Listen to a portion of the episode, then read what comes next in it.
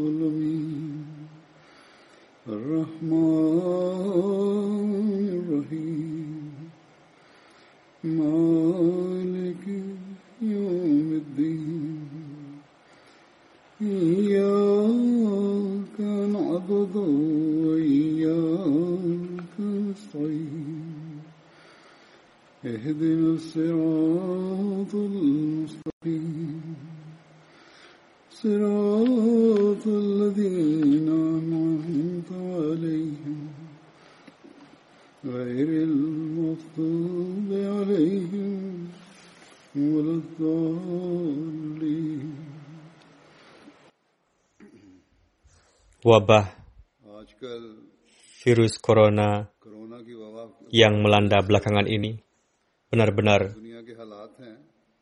telah meresahkan dunia. Orang-orang menulis surat kepada saya, mengungkapkan kegelisahannya.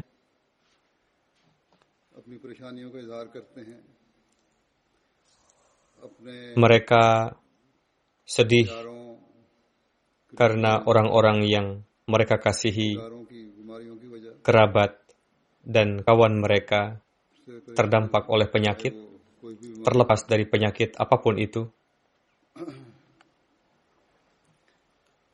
Dalam keadaan seperti ini, banyak sekali kesedihan yang mereka ungkapkan.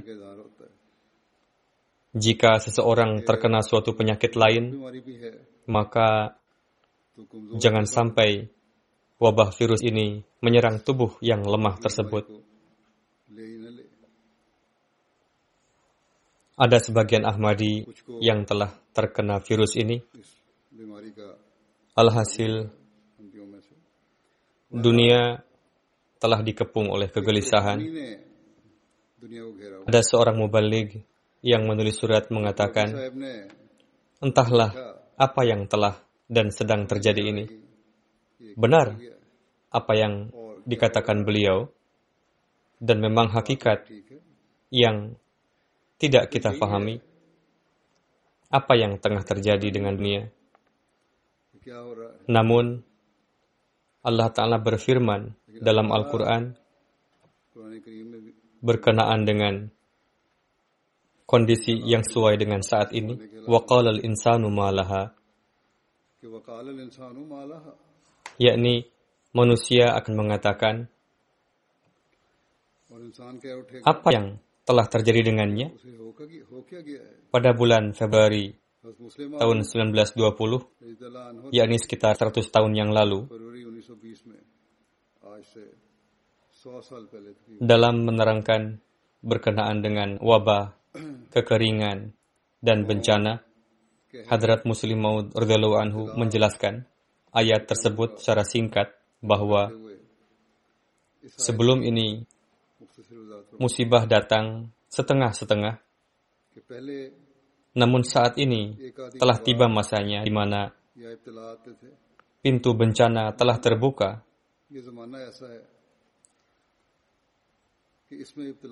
Saya pun telah katakan sejak beberapa tahun yang lalu bahwa pasca pengutusan Hadrat Masih Maud salam dan semenjak beliau alaihissalam memperingatkan dunia secara khusus akan adanya berbagai bencana dan musibah dari langit,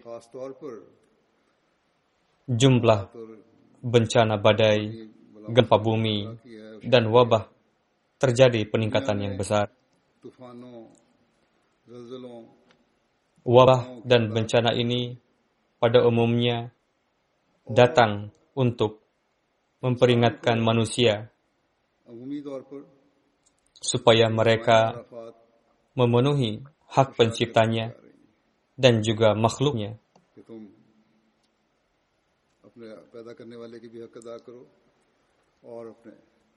Jadi, dalam kondisi seperti ini, kita dituntut untuk lebih banyak lagi bersujud di hadapan Allah Ta'ala dan menyadarkan dunia. Sebagian penyakit, wabah, atau badai ketika melanda dunia, maka secara alami dampaknya dirasakan oleh setiap orang. Hadrat Muslim Ma'ud anhu bersabda, Memang benar bahwa beberapa musibah tidaklah berkaitan dengan kita, namun ketika kita hidup di dunia ini, maka sampai batas tertentu, kita pun terpaksa menjadi bagian dalam banyak hal, misalnya wabah penyakit ataupun kekeringan, yakni kita pun termasuk di dalamnya dan terkena dampaknya. Jemaat ilahi tidaklah sama sekali dihindarkan dari itu. Karena jika demikian, bertentangan dengan nasihat ilahi. Namun, seorang mukmin akan tunduk di hadapan Allah Ta'ala dan melewati kesulitan tersebut dengan memanjatkan rasa syukur. Seperti yang telah saya katakan, bahwa saat ini kita hendaknya secara khusus banyak berdoa kepada Allah Ta'ala dan memohon kasih sayang dan karunia-Nya. Untuk itu, setiap Ahmadi hendaknya berusaha untuk tunduk di hadapan Allah Ta'ala. Sebagian orang berkomentar bahwa wabah virus ini merupakan tanda. Untuk itu, katanya, tidak perlu bagi kita untuk melakukan pencegahan atau pengobatan atau sejenisnya. Alhasil, mereka memberikan komentar-komentar yang menyinggung perasaan orang lain. Kita tidaklah mengetahui apakah wabah ini merupakan tanda khusus ataukah bukan. Namun secara umum, sebagaimana telah saya katakan, begitu juga pada beberapa khutbah yang lalu telah saya sampaikan berkenaan dengan wabah ini bahwa musibah dan bencana bumi dan langit semakin meningkat drastis pasca diutusnya Hadrat Masih Maud salam. Alhasil, secara umum dapat dikatakan seperti itu, namun tidak ada yang berhak mengaitkan wabah ini dengan wabah tahun yang terjadi pada zaman Hadrat Masih Maud salam dan tidak berhak juga mengatakan bahwa, Nafzubillah, jika ada Ahmadi yang terkena penyakit ini atau wafat karenanya, berarti keimanannya lemah. Wabah tahun sebagai satu tanda bagi Hadrat Masih Maud salam. Hadrat Rasulullah SAW menyatakan orang yang wafat karena penyakit ini sebagai syahid. Karena wabah tahun tersebut zahir sebagai tanda dan berkenaan dengan itu Allah Ta'ala telah mengabarkan secara khusus sebelumnya kepada beliau alaihissalam dan beliau alaihissalam juga telah mengumumkan sebelumnya bahwa wabah ini merupakan tanda dan beliau juga memberikan berbagai bimbingan kepada jemaat akan hal itu. Untuk itu, tahun yang mewabah pada zaman Hadrat Masih Maud salam memiliki status yang berbeda. Namun bersamaan dengan itu, Hadrat Masih Maud salam bersabda kepada jemaat pada satu kesempatan, bahkan memerintahkan mufti sahib untuk mengumumkannya di surat kabar-surat kabar bahwa beliau, yakni Hazrat Masih Maud salam akan banyak berdoa untuk jemaat. Semoga Allah Ta'ala menyelamatkan mereka. Namun, beliau alaihissalam pun bersabda bahwa terbukti dari Al-Quran, ketika turun azab ilahi, orang-orang baik pun terkena dampaknya bersamaan dengan orang-orang buruk. Namun, di akhirat nanti akan dihisab sesuai dengan amalannya masing-masing. Jadi, orang-orang baik pun ikut terdampak seperti yang telah dikatakan tadi. Hadrat Muslim Ma'ud bersabda bahwa hal tersebut merupakan hukum alam. Lalu beliau radhiyallahu anhu bersabda, "Coba perhatikan badai yang terjadi pada zaman Hadrat Nuh alaihissalam pun menimpa pada semuanya. Jelaslah bahwa meskipun tidak semua pria, wanita, anak-anak mengetahui sepenuhnya kabar bahwa Hadrat Nuh alaihissalam telah mendakwakan dan apa saja bukti-buktinya. Namun mereka pun tidak luput dari badai itu. Beliau radhiyallahu anhu bersabda, berbagai kemenangan diraih dalam jihad dan itu semua merupakan tanda akan kebenaran Islam. Para sahabat ikut serta dalam jihad bersama Hadrat Rasulullah SAW. Berbagai kemenangan diraih dalam jihad setelah itu, pada masa Khalifah Rashidin pun terjadi jihad, di mana terkadang mengalami kekalahan juga. Namun secara umum umat Islam meraih kemenangan. Ini semua merupakan tanda kebenaran Islam. Namun dalam setiap peperangan itu, selain dari pihak kufar, pasukan muslim pun ada yang terbunuh. Dalam hal ini, tidak hanya pihak musuh saja yang terbunuh. Meskipun jihad tersebut sebagai tanda, namun di dalamnya pihak muslim pun ada yang terbunuh. Beliau Radhanu bersabda, umat muslim yang terbunuh ketika itu disebut syahid.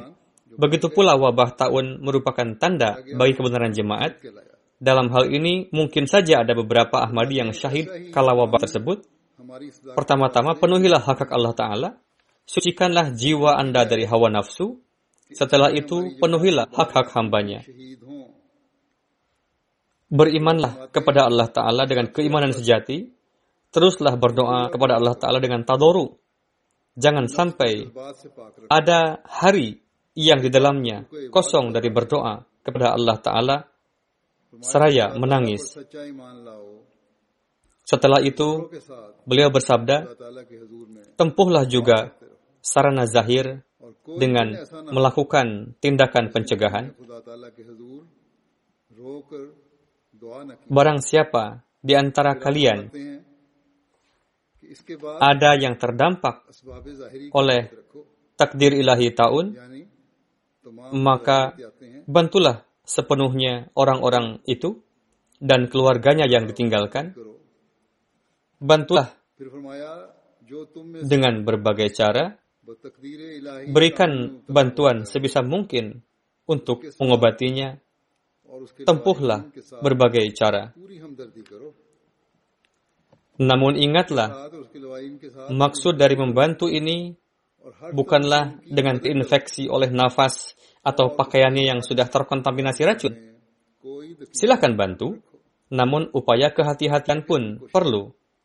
Dan perlu untuk terhindar dari itu semua. Jangan sampai tertular. Hendaknya kita mengambil pelajaran bahwa siapa pun yang memberikan bantuan perlu untuk berhati-hati misalnya saat ini dihimbau untuk menggunakan masker dan yang lain-lainnya, perlu ditaati. Begitu juga kita hendaknya menghindari untuk berkunjung ke rumah-rumah orang lain untuk urusan yang tidak penting. Dalam hal ini pemerintah pun telah melarangnya. Hindarilah itu. Saat ini di UK, meskipun ada himbauan dan larangan dari pemerintah, orang-orang malah tetap berkumpul di taman. Yang diizinkan adalah sebatas berjalan untuk menghirup udara di tempat terbuka, bukannya untuk melakukan piknik di taman-taman. Itu adalah cara-cara yang keliru. Dan pemerintah berkali-kali menekankan hal ini. Begitu juga halnya dengan berjalan-jalan, mengendarai mobil. Jika kita mengatakan bahwa kita pergi ke taman untuk menghirup udara segar atau untuk olahraga, maka pergilah dengan jalan kaki atau sepeda dari rumah adalah keliru jika bepergian jalan-jalan menggunakan mobil. Saat ini pihak pemerintah daerah telah mengumumkan bahwa area-area parkir telah ditutup, yakni tidak diizinkan memarkir mobil di area tertentu. Alhasil, para Ahmadi hendaknya menghindari perbuatan seperti itu. Adapun bagi mereka yang diserahkan tugas memberikan bantuan, banyak sekali yang menjadi sukarelawan dan Khudamul Ahmadiyah, begitu juga yang lain-lain pun berperan dalam hal ini.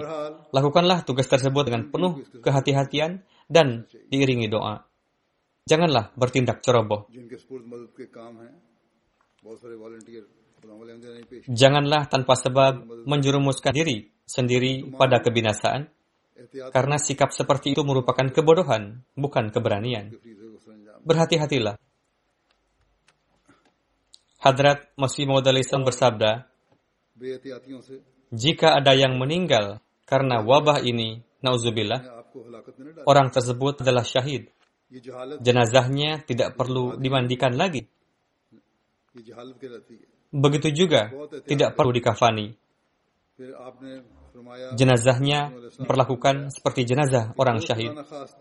Yani ketika terjadi wabah tahun pada zaman itu. Di sini pemerintah telah mengizinkan sampai batas tertentu di mana kita bisa memandikan jenazah, begitu juga mengkafani.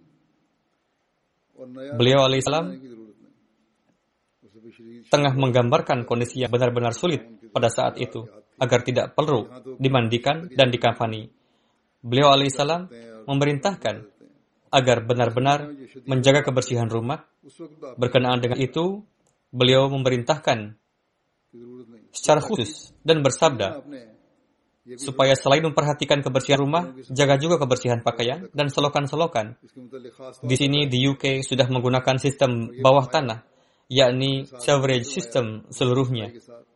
Adapun di negeri-negeri yang berkembang, di mana selokan-selokan masih terbuka, Penting sekali untuk menjaga kebersihan selokan-selokannya. Selanjutnya secara khusus bersabda, yang paling utama adalah bersihkan kalbu. Jalinlah hubungan sejati dengan Allah Ta'ala dalam kondisi saat ini di mana setiap orang terdampak oleh wabah seperti yang telah saya katakan tadi. Banyak sekali yang menulis surat kepada saya, kita hendaknya memberikan perhatian yang khas akan hal-hal tadi. Kita hendaknya selalu ingat bahwa jalan untuk berdoa terbuka bagi kita. Kita harus bersujud di hadapan Allah Ta'ala, disertai keyakinan bahwa Allah Ta'ala membuka jalan doa-doa bagi kita. Allah Ta'ala mendengarkan doa-doa. Jika kita tunduk di hadapannya dengan segap ketulusan, maka Allah mengabulkannya. Allah Ta'ala lebih mengetahui dalam corak apa dia mengabulkan doa kita. Kita hendaknya mendoakan secara umum untuk diri sendiri, untuk orang terkasih, kerabat, untuk jemaat, dan juga untuk kemanusiaan.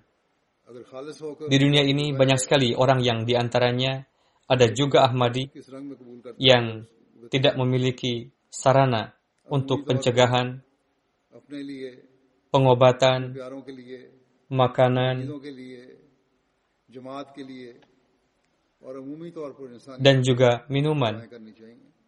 Semoga Allah Ta'ala mencurahkan rahmatnya kepada mereka dan juga kita. Kita berupaya melalui jemaat untuk mensuplai pangan dan keperluan lainnya kepada para Ahmadi. Namun, meskipun demikian mungkin saja masih ada अल्लाह yang kurang. इन पर भी Bahkan di sini kita berusaha sebisa mungkin हमको हम कोशिश untuk dapat memberikan sarana pengobatan, makanan, dan juga kemudahan lainnya kepada orang luar yang membutuhkan. हर अहमदी तक पहुंचाएं लेकिन फिर भी हो सकता है कमी रह जाती है Kita melakukan pengabdian ini sama sekali tanpa pamrih, murni didasari semangat menolong, namun tetap saja sebagian orang yang dengki menuduh dengan perantaraan media atau mereka yang mengaku dirinya maulwi mengatakan bahwa apa yang dilakukan oleh Pak Ahmadi ini dengan membagikan makanan atau bantuan kesehatan semata-mata ada niatan tablik terselubung katanya, supaya jalan tablik mereka terbuka. Namun, bagi kita, tuduhan tersebut tidak berpengaruh apa-apa, karena Allah Ta'ala maha mengetahui niat dan gejolak semangat kita. Saya katakan lagi, supaya saat ini kita banyak-banyak berdoa, berdoa, dan berdoa. Semoga Allah Ta'ala melindungi jemaat ini dari berbagai sisi, anggota jemaat, dan secara umum bagi jemaat. Semoga Allah Ta'ala memberikan taufik kepada saya dan Anda untuk banyak berdoa dan mendapatkan pengabulan doa.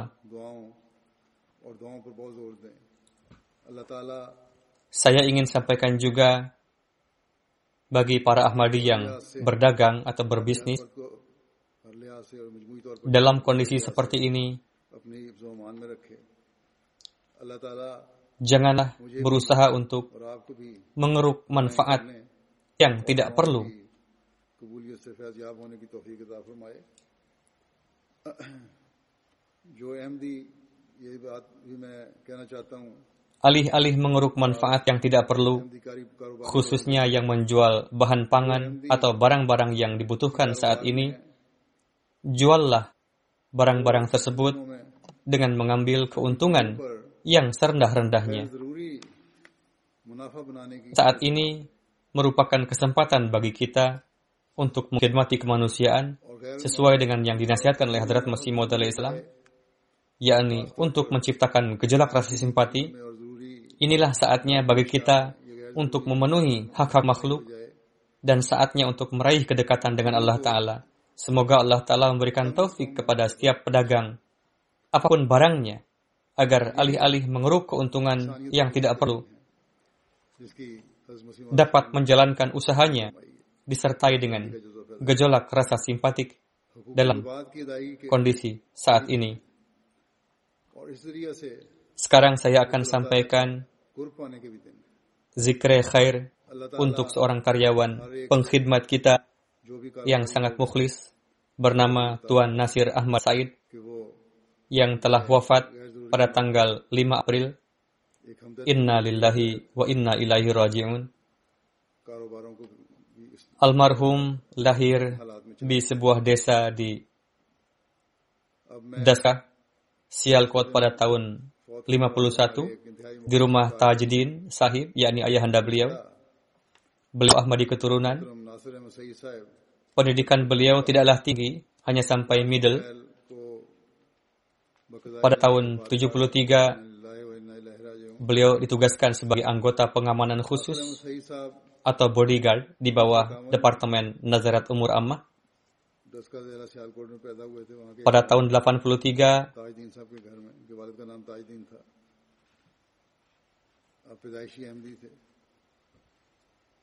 dua tahun setelah Hadrat Khalifatul Masih keempat hijrah dari Rabwah, yakni tahun 85. Menurut hemat saya, Hadrat Khalifatul Masih keempat hijrah pada bulan April 84. Almarhum mutasi dari Rabuah ke London pada tahun 85 dan terus berkhidmat. Dari sisi umur, secara administrasi, beliau pensiun pada bulan Oktober 2010. Namun, setelah pensiun, beliau terus melanjutkan tugas-tugasnya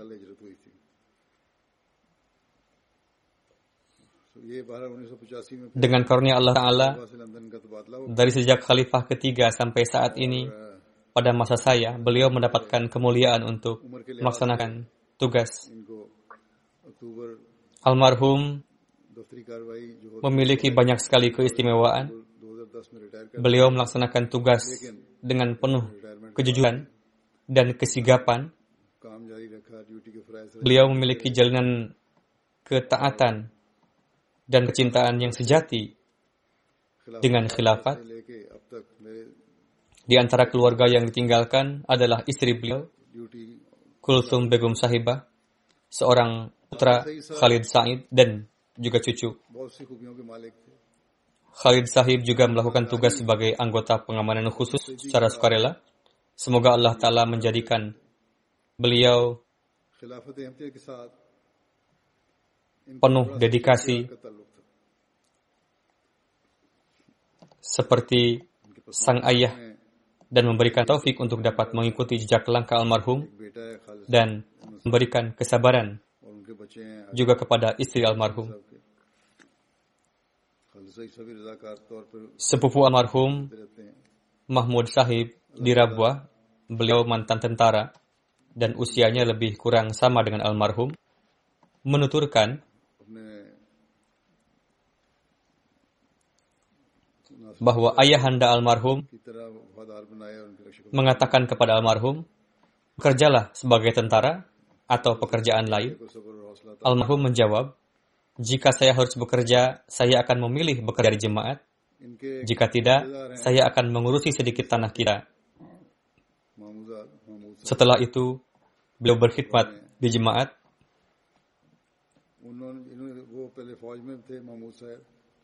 Kerabat beliau tersebut menulis, Almarhum memperlakukan kerabat dengan penuh ketulusan dan kasih sayang dan sering membantu kerabat yang membutuhkan secara diam-diam.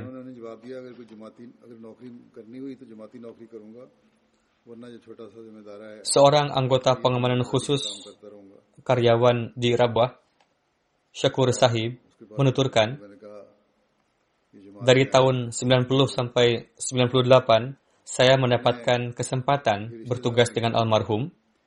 Saya selalu mendapati almarhum sebagai wujud yang setia dan taat kepada khalifah.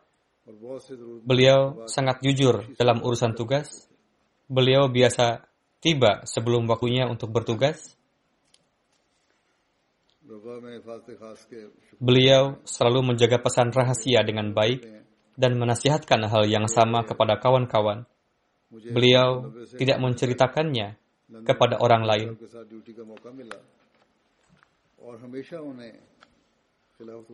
Mayor Mahmud, kepala pengaman khusus, menulis,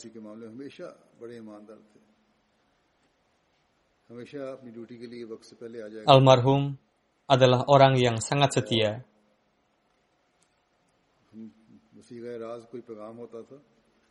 Ruh beliau hanya dan hanya berporos pada khilafat. Beliau bersih dari kekotoran duniawi. Tujuan utama beliau adalah mengkhidmati agama. Selain berkhidmat, tidak ada pemikiran lain dalam diri beliau. Beliau memiliki hasrat yang dalam untuk menghembuskan nafas terakhir ketika mengabdi pada khilafat. Dan itulah yang benar-benar ditampilkan oleh almarhum. Beliau pun sangat luar biasa dalam menghormati tamu. Beliau sangat menghargai kehormatan orang tua maupun muda. Sangat menghormati senior, tidak pernah protes, dan selalu menganggap setiap perintah sebagai kewajiban.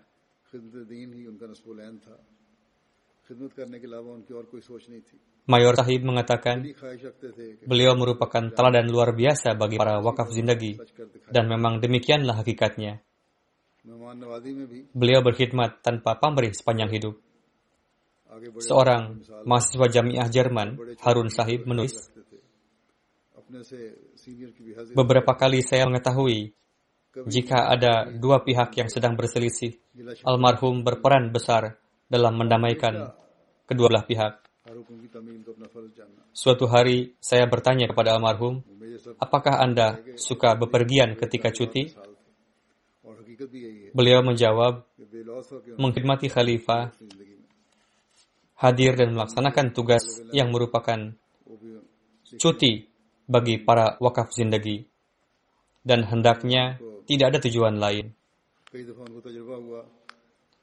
Banyak sekali orang yang mengutarakan bagaimana ketinggian akhlak, pengkhidmatan tamu, keramahan, dan pengasihnya beliau.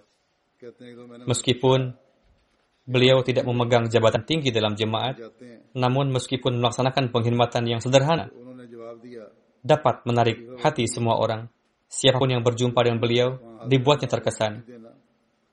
Tuan Nasir Bajwa dari Jerman menuturkan, beliau seseorang yang berakhlak baik, memikirkan yang terbaik bagi setiap orang, setiap saat selalu siap mengkhidmati semua orang, dan merasa senang ketika membantu orang lain beliau merasakan ketentraman ketika melakukannya.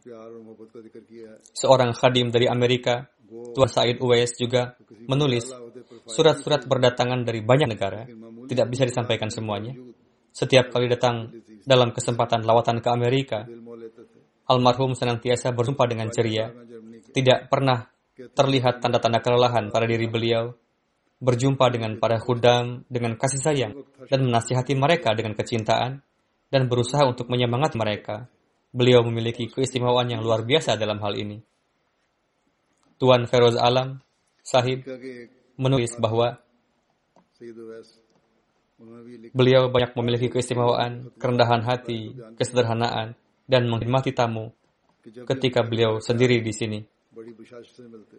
Kemudian beliau juga menuturkan mengenai kualitas ibadah beliau bahwa di hari-hari ketika Hadrat Khalifatul Masih Ar-Rabi sakit, saya melihat pada malam hari almarhum berdoa di masjid dalam salat tahajud dengan penuh rintihan.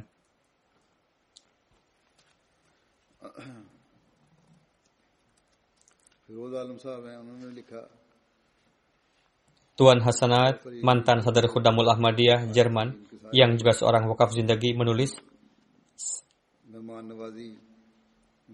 saya merasa iri melihat keikhlasan beliau, totalitas beliau dalam melaksanakan tugas dan kesetiaan beliau kepada khilafat. Di satu sisi, beliau sangat sederhana.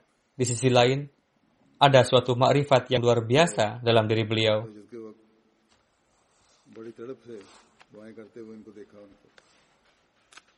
Saya mendapatkan banyak pelajaran dari beliau mengenai tugas-tugas dalam kedudukan saya sebagai sadar Khudamul Ahmadiyah. Beliau tidak pernah mengeluhkan mengenai kesehatan ataupun usia beliau. Ketika bertugas, beliau selalu nampak muda seperti yang lainnya. Saya beberapa kali melihat beliau tidak suka apabila diperlakukan secara istimewa dikarenakan usia beliau yang lebih tua. Beliau ingin bertugas sebagaimana para khudam dan petugas security lainnya bertugas. Beliau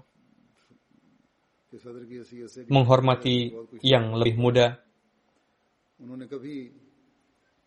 memperlakukan kami dengan kasih sayang. Kami merasa malu dengan sikap beliau kepada kami. Beliau biasa menyemangati para khudam yang sedang bertugas. Tuan Hasanat menulis, satu hal yang sangat baik bahwa orang-orang biasa memberikan training dengan cara berbicara atau mengadakan camp pelatihan. Namun training yang beliau berikan adalah dengan ketulusan beliau dalam bertugas, kesiagaan beliau, keikhlasan beliau, dan doa-doa beliau. हैं। कहते हैं कि हमें बड़ी शर्मिंदगी होती थी उनके सलूक से हमारी ड्यूटी देने वाले खुदाम की बड़ी Ketika bertemu pada kesempatan apapun, beliau selalu mengatakan, doakanlah semoga saya अच्छी बात यही है कि लोग meraih बातें करके ये camp akhir kehidupan yang baik. नहीं देते हैं Tuan Khalid Ahmad yang bertugas di Russian Desk menulis mengenai banyak hal mengenai beliau.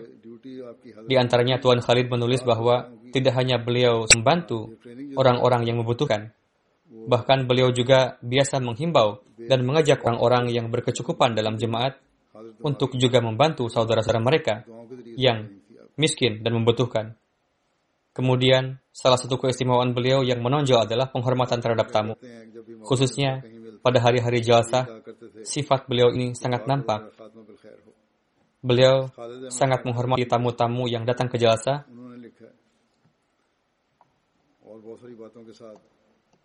Tanpa melebih-lebihkan, beliau setiap hari pada pagi hari dan sore hari biasa mengundang para tamu yang datang dari markas maupun dari negara-negara lainnya ke rumah beliau.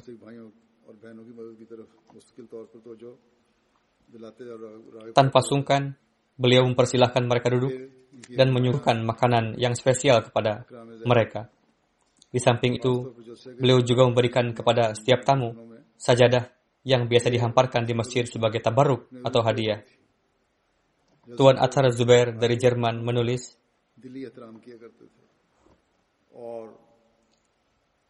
Almarhum secara istimewa memiliki hubungan kesetiaan dengan khilafat dan cara beliau berbicara sangat lembut dan penuh kasih sayang. Saya beberapa kali melihat ketika terjadi pergantian shift, apabila pegawai yang bertugas di shift selanjutnya datang terlambat, beliau tidak pernah mengeluh, bahkan bersyukur kepada Allah Ta'ala bahwa saya mendapatkan waktu yang lebih dalam tugas menjaga khalifah. Setiap saat, beliau nantiasa siap untuk bertugas. Ketika sedang sakit, beliau tetap tidak ingin cepat selesai dari tugas. Bahkan ketika sakit beliau yang terakhir pun, saya mendengar bahwa beliau berkata kepada putra beliau, jam berapa sekarang? Oke, okay. berarti hari ini jam tugas sudah berakhir.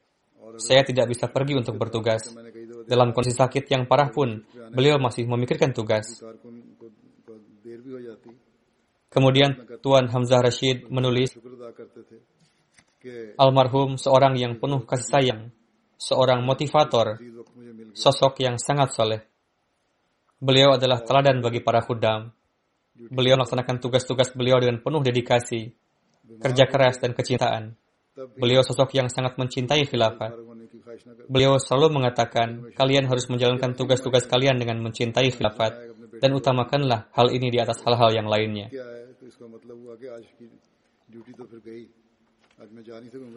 Tuan Sayyid Taha Nur Mubalik dari Indonesia menceritakan peristiwa yang terjadi di Indonesia ketika pada tahun 2000 almarhum datang ke Indonesia menyertai Hadrat Khalifatul Masih Ar-Rabi rahmatullah alaih rahimahullah.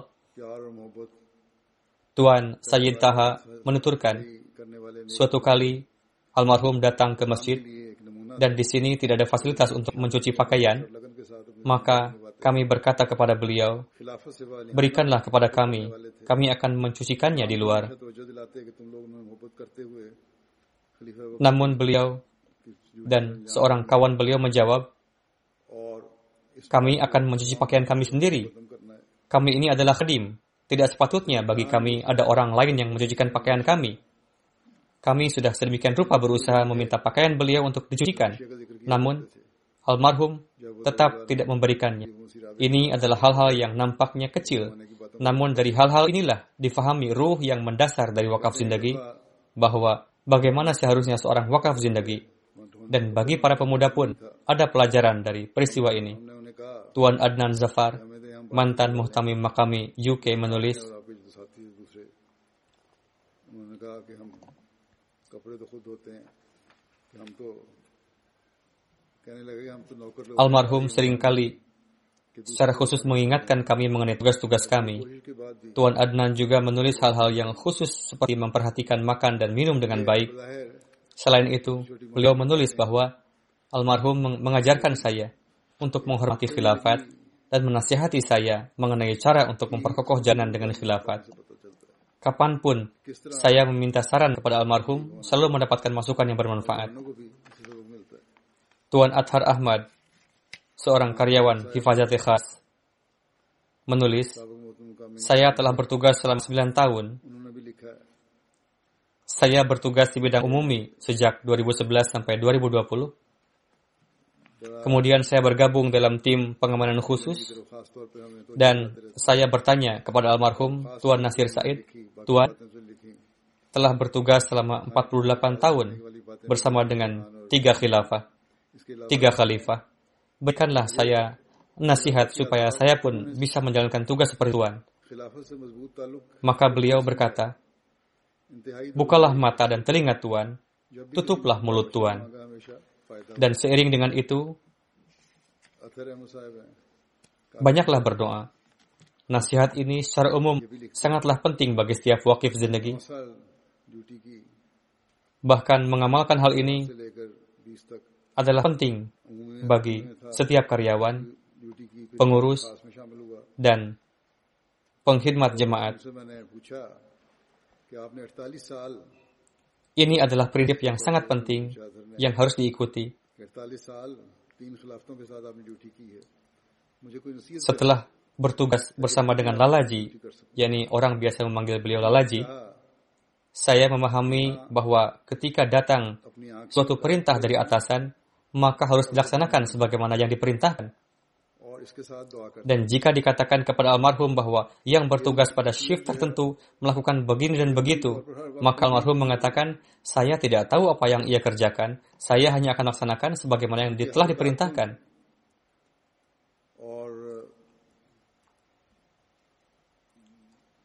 Tuan Athar menuturkan,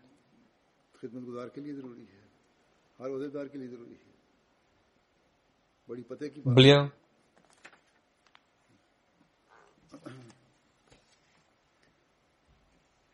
फिर कहते हैं कि उनके साथ ड्यूटी करके इनको लाला जी लोग कहते थे कि लाला Tuan Athar menuturkan, beliau secara khusus selalu memohon doa, की तरफ से हुक्म आए selama saya hidup, semoga Allah Ta'ala menjaga saya tetap mampu berjalan dan ketika waktunya दरामद कर tiba saya untuk dipanggil Allah Ta'ala, semoga saya dipanggil dalam kondisi masih mampu berjalan dan tidak menyusahkan orang lain. Demikianlah perlakuan Allah Ta'ala kepada almarhum. Semoga Allah Ta'ala memberikan magfirahnya kepada almarhum dan meninggikan derajat almarhum. Semoga Allah Ta'ala memberikan kesehatan kepada istri beliau serta menganugerahkan ketabahan dan kesabaran. Semoga Allah Ta'ala menjaga putra beliau tetap menjalin hubungan dengan khilafat dan demikian pula anak keturunan beliau. Saya mengenal beliau sejak beliau datang ke Rabuah untuk mengkhidmati jemaat.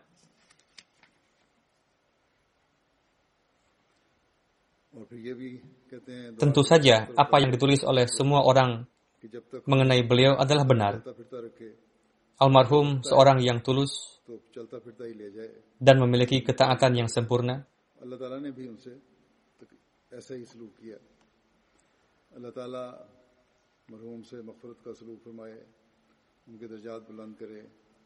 Beliau wafat dalam situasi di mana tidak bisa banyak orang hadir dalam pemakaman Sejak lama beliau menderita penyakit jantung dan telah dilakukan juga prosedur angioplasti.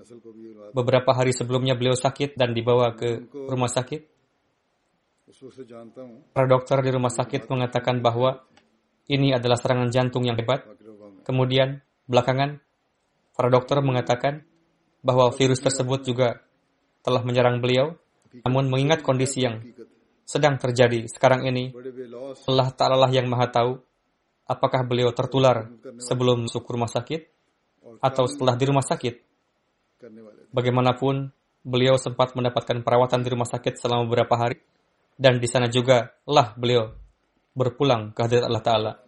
Dikarenakan peraturan yang diberlakukan di sini, jenazah beliau tidak bisa dibawa ke sini dan selain beberapa kerabat terdekat, tidak ada yang bisa hadir dalam pemakaman beliau Kemudian, ada juga persyaratan bagi jenazah bahwa pemakaman pun harus dilakukan di rumah duka.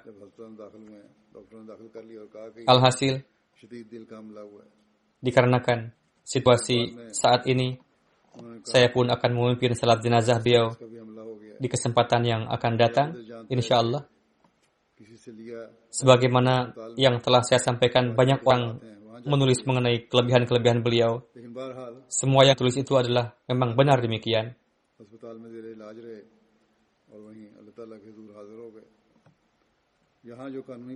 Seperti itulah keistimewaan-keistimewaan para diri beliau. Sebagaimana yang telah saya katakan, beliau meninggalkan dunia ini dalam keadaan tengah menunaikan pengkhidmatan dan janji beliau dengan penuh kesetiaan.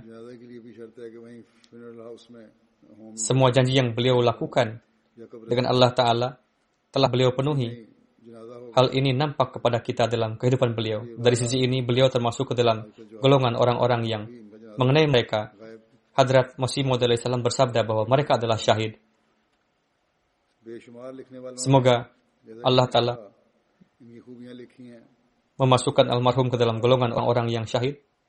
Dan semua Ahmadi yang wafat disebabkan oleh penyakit ini Semoga Allah Ta'ala memberikan kasih sayang dan ampunan kepada mereka. Dan Allah Ta'ala yang lebih mengetahui apa yang terjadi pada mereka. Dan doa kita adalah semoga Allah Ta'ala memberikan kasih sayang dan ampunannya kepada mereka semua.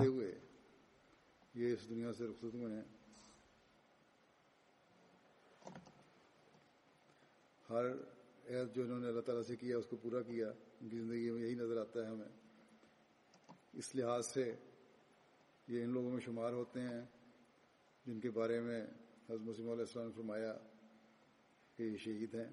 اللہ تعالیٰ انہیں ان میں شامل فرمائے۔ اور وہ تمام احمدی جو اس بیماری کی وجہ سے جن کی وفات ہوئی ہے، اللہ تعالیٰ ان سے بھی رحم اور مخصوص کا سلوک فرمائے۔ اور ہر ایک سے اللہ بہتر جانتا ہے کہ کس کے ساتھ کیا ہے، ہماری تو یہی دعا ہے کہ ہر ایک جو ہے وہ اللہ تعالیٰ کی رحم اور مقصد حاصل کرنے والا ہو۔